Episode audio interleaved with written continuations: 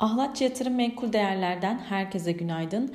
Döviz kurları yeni haftaya yükselişle başladı. Dolar TL 14.88 ve Euro TL ise 16.24 seviyelerinden işlem görüyor.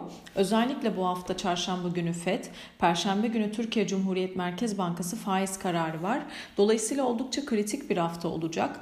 FED'den 25 bas puanlık bir faiz artışı beklentisi varken Türkiye Cumhuriyet Merkez Bankası'nın faizleri %14 seviyesinde sabit bırakacağı beklenmekte. Küresel piyasalara baktığımızda dünya borsalarının birçoğu Rusya-Ukrayna arasındaki çatışmaların şiddetlenmesine rağmen gelişmelerde ilerleme sağlanabileceği beklentileriyle yükselişte.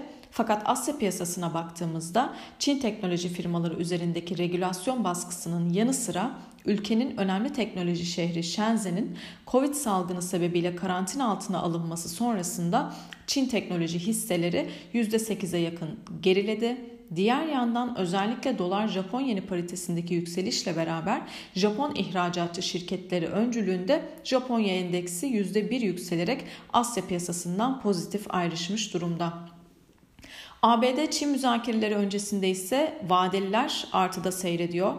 Petrol fiyatlarına baktığımızda Rusya-Ukrayna arasındaki çatışmaya son vermek için diplomatik temasların hızlanması petrol fiyatlarında yeni haftada düşüşe sebep oldu an itibariyle 107 dolar seviyelerinden işlem görüyor. Bu hafta FED, Türkiye Cumhuriyet Merkez Bankası olmak üzere birçok merkez bankası Ukrayna-Rusya savaşının emtia fiyatları üzerinde yarattığı baskı gölgesinde faiz kararlarını açıklayacaklar.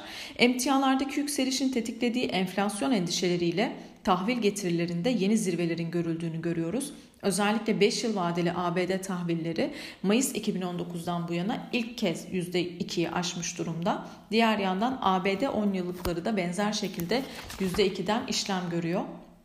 10 santim tarafına baktığımızda 2000 dolar seviyesinin altında 1973 dolar seviyelerine sarktığını görüyoruz. Borsa İstanbul tarafına baktığımızda yükselen trendde işlem görmeye devam eden BIST 100 endeksi Cuma günü %0,58 yükselişle 2053 puandan kapatmıştı. Endekste özellikle yukarıda 2068 e, seviyesi önemli. Bu seviyenin üzerinde bir kalıcılık olduğu takdirde 2100 puana kadar bir yükseliş hareketi beklenebilir. Olası geri çekilmelerde ise 2027 ve 2000 seviyesi ana destek bölgesi olarak takip edilebilir. Bugün gerek yurt içinde gerekse yurt dışında önemli bir veri akışı bulunmuyor. Herkese bol kazançlı güzel bir hafta dilerim.